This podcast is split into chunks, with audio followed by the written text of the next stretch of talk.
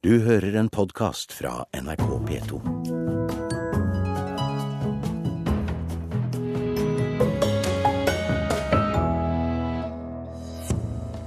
Alle vil lage OL-lua. Garnprodusent må legge om produksjonen for å møte etterspørselen.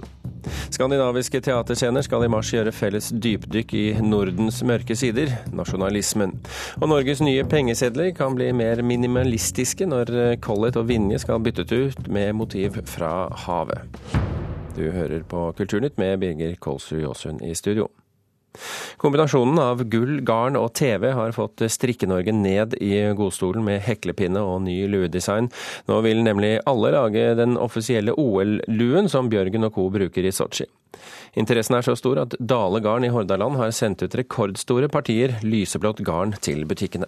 Nei, vi har sikkert solgt igjen eh, Jeg har solgt til fire. fire. Jeg har solgt til fire-fem stykker. Beate har sikkert Ja, vi har solgt ganske mange i dag. Alle skal ha den OL-luen. Tina Østby og Victoria Østby i Tjorven Garn i Oslo merker at det er stor interesse for den lyseblå OL-lua. I går fikk de inn ei ekspresslevering med garn for å møte den store etterspurnaden. Nå har vi akkurat fått på eh, hylla. Vi fikk inn to pakker nå ekspress. Nei, vi ville ha det med en gang, sånn at kundene kunne hekle seg en lue i dag. Dobbelt norsk! Det er dobbelt norsk! Det er gull til Falla, det er sølv til Faresberg! Det er den blå og røde lua de norske utøverne bruker under medaljeseremonien i Sotsji, som nå har fått heklenålene til å gå landet over. Og garnbutikken i Oslo er langt fra alene om å selge store mengder av garnet. Det har produsenten Dale Garn fått merke. Nøstemaskinen går for fullt i Dale. Produksjonssjef Eilert Terjesen gleder seg over suksessen, og tror eksponeringa lua har fått, har hatt mye å si. Det er jo noen av de her uh, idrettsutøverne vi har som har gått med denne her, og det er blitt ja, Det kommer fram i media. Det er på skjermen, og det er, det er i strikkemiljøet og på strikkeblogger og, og den type ting. Og da blir det mye oppmerksomhet, og når det er mye oppmerksomhet, så vil alle ha det. Men populariteten kom noe overraskende på produsenten. Babyull som den her er strikka eller hekla i, den, eh, altså det er jo et populært garn, men den lyseblå fargen er jo ikke den vi selger mest av. da, av de fargene vi har i babyull. I fjor så selger vi 650 kilo i hele fjor. Og nå har de solgt 80 kilo her nå på én eller to dager. Men OL-lua er bare toppen av garnfjellet. I løpet av et år kjøper nordmenn 1800 tonn garn. Dette er dobbelt så mye som våre svenske naboer. Importører og produsenter NRK har vært i kontakt med, stadfester at det er ei strikkedille som nå går over landet. Rauma Garn melder alene om en økning på opp mot 40% de siste tre åra. Og nærmer seg Ola, nå må du passe på! I hvert sitt spor, Ola tar det! Ola tar det! Svensken gir opp! Svensken gir opp! Ja! Det er gull! Det er gull! Til dobbelt to gull! To gull til Norge i dag! Og skulle det bli mer norsk suksess i Sotsji, regner Tina Østby ved Tjorven Garn i Oslo at etterspurnaden etter lyseblå ullnøster skal holde fram. Nå som vi har satt den i vinduet, så er det mange som kommer inn og sier at de vil ha til dem i vinduet. Og ellers så kommer de inn og sier at de skal ha til OL-luen. Den som alle har på TV. Reporter her, det var Espen Alnes. Og skal vi være helt presise her, så er luen ikke heklet, eller den er heklet, den er pjonet. Pjoning er en form for hekling, hvor man da legger opp luftmasker og arbeider med kjedemasker. Og til forskjell fra hekling, så stikker du da nålen kun gjennom ett ledd av masken om gangen, noe som gir disse fine strukturene i denne luen.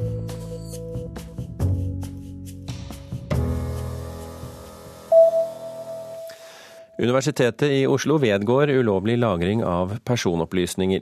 Navn, tid og sted blir registrert hver gang en student eller ansatt bruker det personlige adgangskortet sitt, og selv toalettbesøk er loggført og informasjonen lagres i 90 dager, skriver studentavisen Universitas. Universitetet ser svært alvorlig på saken og har satt i gang en gransking, ifølge direktør Gunn Elin Bjørneboe. Og det samme ble avdekket ved Universitetet i Bergen i forrige uke. Swing it, magistern, swing it, det er tidens melodi. Gör som vi, var glad och fria, ni kan inte låta bli med all er energi. Och swing it, magistern, swing it, det Den eh, svenske jazzsangerinnen Alice Babs døde i går, 90 år gammel. Hun slo igjennom på 40-tallet med en rekke filmer, og ikke minst denne låta vi hører her, 'Swing It' meisteren. Hun var Sveriges første deltaker i Eurovision Song Contest, men vil nok eh, rent musikkmessig mest huskes for sitt samarbeid med den amerikanske jazzmusikeren, komponisten og arrangøren Duke Ellington. Hennes siste besøk i Norge var med forestillingen Tribute to, to Duke Ellington, som hun oppførte under Oslo Jazzfestival i 2004.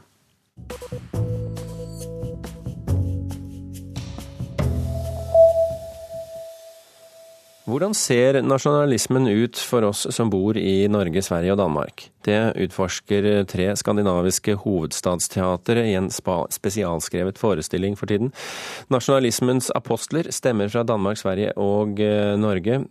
For første gang blir de tre teater, nabolandenes teaterpublikum tilskuere til hverandres produksjoner i samtid.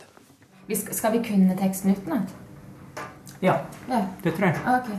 men, men, det er jo vanskelig å på en måte sette navn på det. For det, altså, det kan jo være en lesning, visning, forestilling. Men, men det er i hvert fall et stunt. Mm. Uh, for det er ja, fem prøvedager. Så... Den norske manusforfatteren Christian Lykkeslett Strømskog prater med skuespiller Birgitte Larsen om sin tekst 'Vi er Norge'.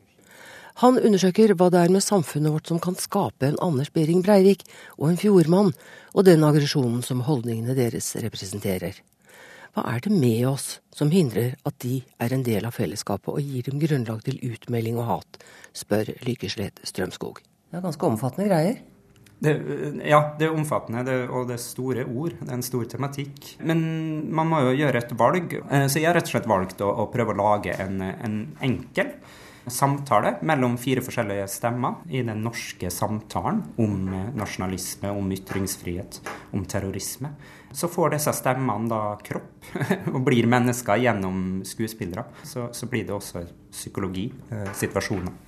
Kristian eh, sin tekst, som jeg leste mm, for første gang i går kveld, er veldig Uh, rytmisk. Her um, har Kristian vært veldig sånn, um, tydelig på at det også er en um, det er et, et formeksperiment, og det, det, er en interessant lek med ord, med, med tanker og med, med, rytme og språk. Da. Sier Birgitte Larsen. Hvert av teatrene har bedt hver sin dramatiker om å skrive 20-25 minutter scenetekst. I en akt eh, spilles live på ett teater mens den strømmes og blir sett på videoskjerm hos de to andre. Alle forestillingene ses i samme tidsrom hos alle deltakere.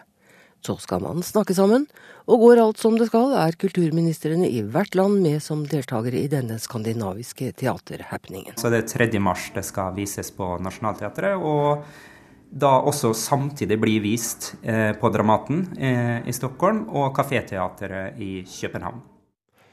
Og reporter her, det var Sølvi Fosseide. Dramaturg ved Dramaten i Stockholm, Jakob Hirdvald. Hva får man ut av å samsende tre teaterforestillinger på tre forskjellige scener? Ja, det, mm, det, vet vi ju inte ännu utan det är ju ett eh, experiment det här. Men eh, vi är jättespända på vad det, vad, vad det här kommer att resultera i. Hvordan kom du på denne ideen egentlig? Ja, alltså vi har ju någonting som heter Dramaten och här som Helena Sett är konstnärlig ledare för och vi har i flera år här haft olika typer av nedslag, olika teman, samtidsteman, till exempel arbetslösheten. Och eh, det här året ägnar vi åt nationalismen. I tillegg til Christian Lykkeslett Strømskog, som vi hørte her, ehm, så skriver Lukas Svensson for dere i Sverige og Christian Lollicke og Mats Madsen i Danmark. Hvorfor akkurat eh, disse forfatterne? Ehm, ja, altså vi bjöd upp eh, de her teatrarna til, eh, til, til det her samarbeidet og det er teatrarnas egna val. Ehm, Christian Lollicke er jo en spennende dramatiker og han er også konstnärlig ledare for Caféteatret. Och eh, Christian Lykkeslätt Strömskog känner jag ju också från, eh, vi har arbetat tillsammans på Dramatikens hus. Mm. Så det kändes ehm, eh, som tre bra val av dramatiker. Lukas Svensson är också en dramatiker som jobbat mycket i, på Dramaten. Christian Lollicke han har jo ertet på seg mange nordmenn med stykket 'Manifest 2083'. Eh, dette stykket om Anders eh, Behring Breivik, som, som, også skal da settes opp under Festspillene i Berger. Kommer hans teaterstykke eller hans tilnærming til, eh, til ditt prosjekt til å bli samme, på samme vis provoserende?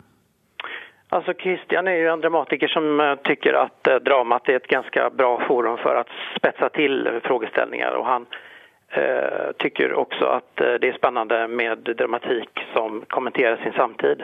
Så det är klart att han, han, han, han arbetar på det viset. Men i det här fallet så handlar, hans text handlar om eh, den danska situationen. Och det är också en förutsättning för de här tre eh, dramatikerna att man har fått titta på den här, de här företeelsen med nationalism ur tre länders och tre också temperaments eh, eh, synvinklar har det blivit då att eh, det danska har en mer politisk eh, prägel eh, medan eh, det norska har en psykologisk eh, eh, vinkel på det hela och det svenska har blivit en slags existentiell betraktelse eh, kring nationalism. Og disse tre forestillingene skal altså vises samtidig på tre forskjellige scener i tre forskjellige byer. Men hva hvis manusene overhodet ikke passer sammen? Jo, men det gjør de absolutt. Alltså. Och eh, där, där så är vi ju dramaturger också i de tre länderna som samarbetar eh, tätt med de här dramatikerna och eh, tre regissörer också. Så att vi ser till att, eh, att de här tre texterna eh, befinner sig i någon slags dialog med varandra, även om det är tre eh, olika stycken som det handlar om. Eh, Jakob Hirdwall, eh, dramaturg ved Dramaten teater i Stockholm. Tusen hjertelig takk for at du kunne være med i Kulturnytt. Klokken er snart kvart over åtte. Du hører på Kulturnytt, og dette er toppsakene i NRK Nyheter akkurat nå. Uskyldige smuglermistenkte har opplevd å sitte i over ett år i varetekt. Advokatforeningen etterlyser klare tidsfrister for varetektsfengsling. Dårlig ledelse og mangelfulle rutiner gjør at flere politidistrikt enn før får bøter. Og Petter Northug skal ikke gå 15 km i klassisk stil i OL på fredag, det melder TV 2. Northug har ikke lyktes på de to første øvelsene under OL. De nye pengesedlene her til lands kan bli mer minimalistiske. Det tror en av de åtte kunstnerfinalistene som skal konkurrere om å lage våre nye 50, 100, 500 og 1000-lapper. For første gang skal det nemlig ikke være ansikter på sedlene, men i stedet preges av et gjennomgangstema, og gjennomgangstema det er hav. Gjennom store vinduer ser finalistene utover en grå og regntung Oslofjord. På Maritimt museum ytterst på Bygdøy er alle designerne som skal kjempe om å få lage de nye pengesedlene samlet. Din formgivning vil synes i ekstremt store opplag og være del av alles hverdag. Og kan gjøre Norge vakrere. Det er kanskje 15-20 år til neste gang, så dette er stas. Sier designer Henrik Såstad Haugan fra Snøhetta Design. Snøhetta stilte med flere representanter på museet i går, og han synes havet som tema er en spennende utfordring. Jeg håper jo liksom at, eh, at den begrensningen som ligger i tematikken, den liksom skal kunne heve det grafiske designet da, til å liksom bli en viktigere faktor i eh, sluttresultatet. Og at, eh, ja, at det er andre ting som på en måte skal være med å bære differensieringen mellom sedlene frem, enn om det er Munch eller Ibsen eller eh, Flagstad eller hvem som det er bilder på. Så det blir jo litt sånn eh, utfordring det, å liksom gi dem tydelig nok eh, identifikasjon, hver og en av sedlene. Tror du sedlene vil bli mer kunstneriske nå enn tidligere? Ja, kanskje. At det er liksom en litt mer sånn minimalistisk tilnærming, kanskje.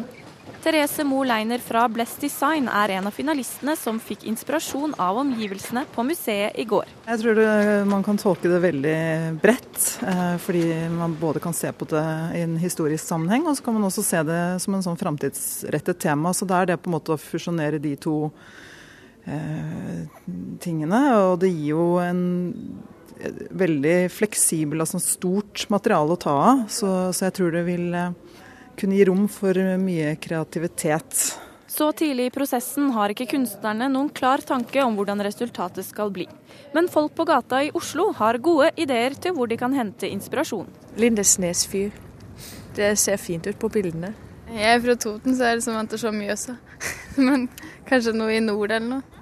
Det må jo være uh, ulike deler av hva Norge får ut av havet, som er alt fra olje til laks. Uh, litt som havet som ressursgrunnlag, tenker jeg. For første gang i Norges historie skal det ikke være portretter på pengesedlene våre. Direktør for kontante betalingsmidler i Norges Bank, Trond Eklund, sier at de har fått positive tilbakemeldinger så langt. Det er jo norske sedler, og det skal jo bære norsk identitet. Men samtidig så har vi jo nå invitert til en kunstkonkurranse. og Hensikten med den kunstkonkurransen er jo å få inn nye ideer. Vi tar gjerne imot noe som er kreativt og nytt, men det skal holde den norske identiteten også. Pengeseddelen vil leve lenge ennå, tror Norges Bank. Altså når vi ser på tallene våre, så ser vi at uh, det er like mange sedler i omløp nå som det var for fem-seks år siden. Så det har vært helt konstant de siste årene. Men hvis du ser i forhold til antall betalinger, så er betydningen av seddelen nedadgående. Men uh, vi vil fortsatt se sedler i omløp, og det vil ikke være noe historisk uh, gjenstand på mange, mange år.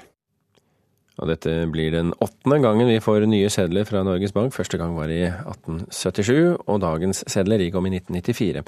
I tillegg til Snøhetta og Blest Design er de andre finalistene Mai Elin Eikås Bjerk, Enzo Finger, Christian Messel og Mathias August Passero, Ellen Karin Melum, Aslak Gurolt Rønsen samt The Metric System. Og reporter her, det var Kristine Amdam.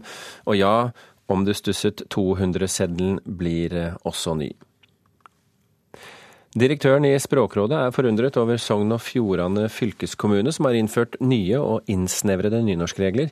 De ansatte er pålagt å bruke vi istedenfor med, og e-ending på verb istedenfor a-ending. Språkdirektør Arnfinn Murvik Vonen ber fylkeskommunene endre reglene, som han syns er litt merkelige. Vi er kanskje litt overraska over det, at man eh, velger ut enkelte av de likestilte skrivemåtene for eh, ord framfor andre. For eh, i nynorsk så er for det første både vi og med likestilte former, og også mm, det å skrive vera eller vere, det er også likestilt. Sogn og Fjordane fylkeskommune vedtok i fjor nye og innsnevra språkregler som pålegger de ansatte å bruke vi i stedet for med, og e-ending på infinitiva verb i stedet for a-ending. Altså, sakshandsamere har lov til å skrive 'å gjøre', men ikke 'å gjøre'. Å skulle pålegge alle sine saksbehandlere å velge den ene formen framfor den andre, det er litt merkelig, og ser vel kanskje ikke helt uh, behovet for det heller. De nye reglene er en del av en språkbruksplan som skal gjøre språket i fylkeskommunen bedre og mer korrekt. Språkdirektør Von roser selve planen, men mener at de innsnevra nynorskreglene bør endres. Jeg kan vel for så vidt ikke si noe annet enn at vi vil ta den oppfordringen på alvor. Sier fylkesrådmann Tore Eriksen, som er den ansvarlige for de nye reglene i språkbruksplanen. Det viktigste for oss er jo på en måte at vi har fått til en veldig god språkbruksplan. Og vi har uh, fått veldig mye positive tilbakemeldinger fra den, fra både Norges Språklag og fagmiljøer ellers. Og det er vi veldig glad for. De innspill vi får, de vil vi vurdere løpende, og vi vil gjøre endringer hvis vi finner det fornuftig. Reporter her, det var Noralf Pedersen.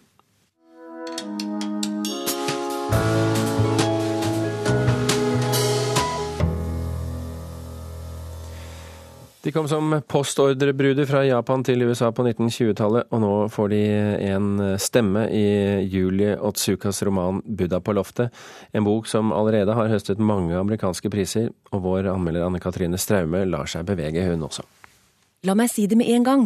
Julie Otsukas bok 'Buddha på loftet' er den mest gjennomførte og rørende kollektivromanen jeg har lest på lenge. Den åpner slik. På båten var vi flest jomfruer. Vi hadde langt, svart hår og brede plattføtter, og var ikke særlig høye. Noen av oss hadde ikke spist annet enn risvelling som barn, og hadde krumme bein, og noen av oss var bare 14 år og fremdeles barn selv. Noen av oss var fra fjellet, og hadde aldri sett havet før, bortsett fra på bilder, og noen av oss var fiskerdøtre og hadde vært ved havet hele livet. Kanskje hadde vi mistet en bror på sjøen, eller en far, eller en forlovede. Eller kanskje en vi elsket hadde hoppet i havet en ulykksalig morgen og simpelthen svømt sin vei. Og nå var tida inne til å komme seg av gårde, for oss også.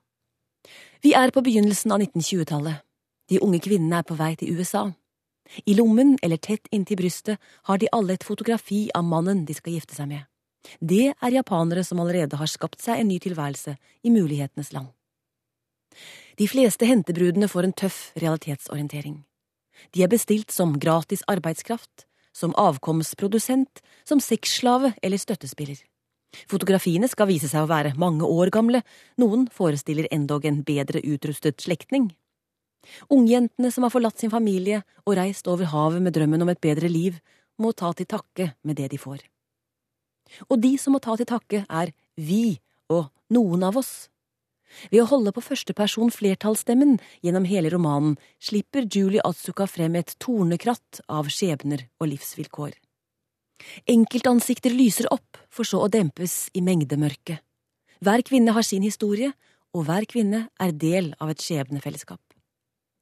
Etter reisen over havet skildres bryllupsnatten, barnefødsler, møte med hardt arbeid og ukjent kultur. En kultur de stadig voksne barna gladelig annekterer, siden de skammer seg over den eneste kulturen foreldrene deres er fortrolig med. Så kommer Pearl Harbor. Over 100 000 japanere, flertallet med amerikansk statsborgerskap, blir drevet bort fra sine hjem, internert i leirer med piggtrådgjerder, betraktet som mulige spioner og fiender. Selve interneringen har Julie Atsuka skrevet om i den første romanen sin When the Emperor Was Divine. I Buddha på loftet går hun tilbake en generasjon. Selv er hun født i California i 1962 av japanske innvandrere, og har fått både ovasjoner og priser for de to romanene hun hittil har skrevet. Det er ikke vanskelig å slutte seg til rosen. Buddha på loftet er en historietime og en litterær prestasjon i ett. På samme måte som Roy Jacobsen i sin siste roman løfter frem usynlige slitere, gir Julie Otsuka stemme til de stemmeløse. Det myldrende fortellerkollektivet inviterer, paradoksalt nok, leseren tett inntil seg, og det med et språk som i Ika Kaminkas nydelige oversettelse er friskt, usentimentalt og bevegende. Anne Katrine Straumes anmeldelser de kan du lese på NRKs nettsider om du vil, deriblant også Buddha på loftet, som du hørte om her. Mens CD-salget i andre sjangere stuper, så holder det fysiske salget av jazzplater seg forholdsvis bra, konstaterer sanger og plateutgiver Hilde Hefte. Hun startet plateselskap for å gi ut plater av Egil Kapstad og andre norske jazzveteraner, men i fjor så toppet hun salgslisten fra eget private selskap med sin egen plate. I'm looking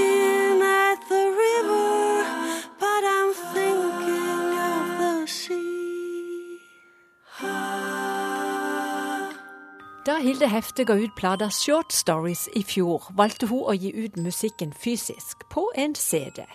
Og i tider hvor det snakkes om at folk ikke lenger kjøper plater, har jazzstemmen fra Kristiansand opplevd at plata hennes har klart seg bra der ute. Den har levd et liv som for meg har vært helt fantastisk. For denne plata her var så personlig.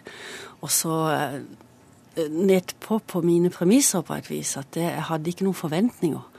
Og så viser det seg at alle har tatt han til seg. Og nå har han endt opp som, som mest selgende, det mestselgende albumet på selskapet. Da. Så det er jo kjempemorsomt. Nummer én på, på topp ti-lista på Vandrup i Dagbladet. Det er kjempegøy.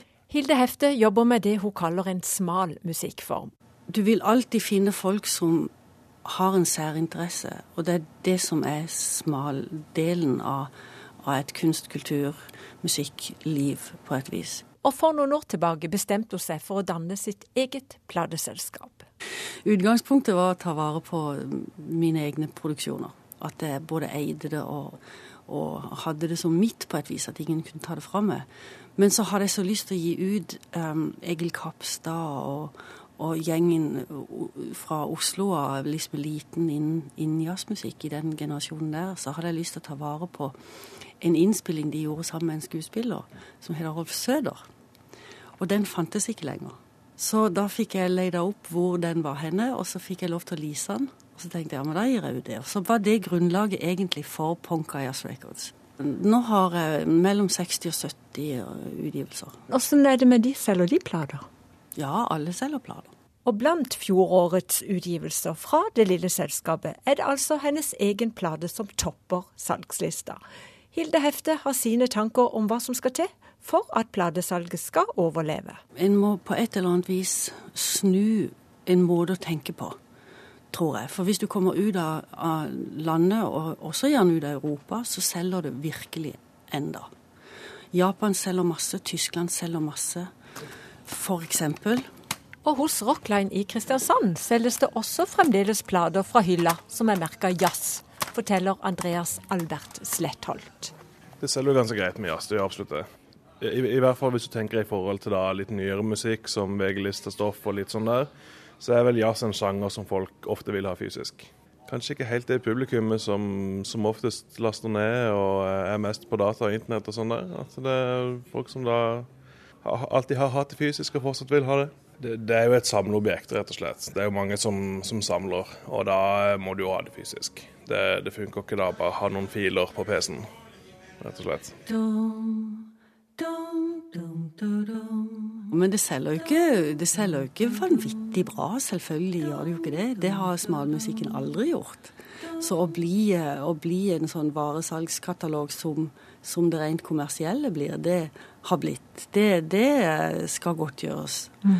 Da skal du være Miles Davis, Bill Evans eller hva som helst, ikke sant dancing to the samba, the new thing, the new swing samba, the new thing, the new swing samba, the new thing, the new swing samba. Ja, og reporter i denne saken, det var Janne Aateigen. Kulturnytt er i ferd med å runde av. Gjermund Jappé, Birger Kolsrud Aasund og Eli Kirkebø takker for følget.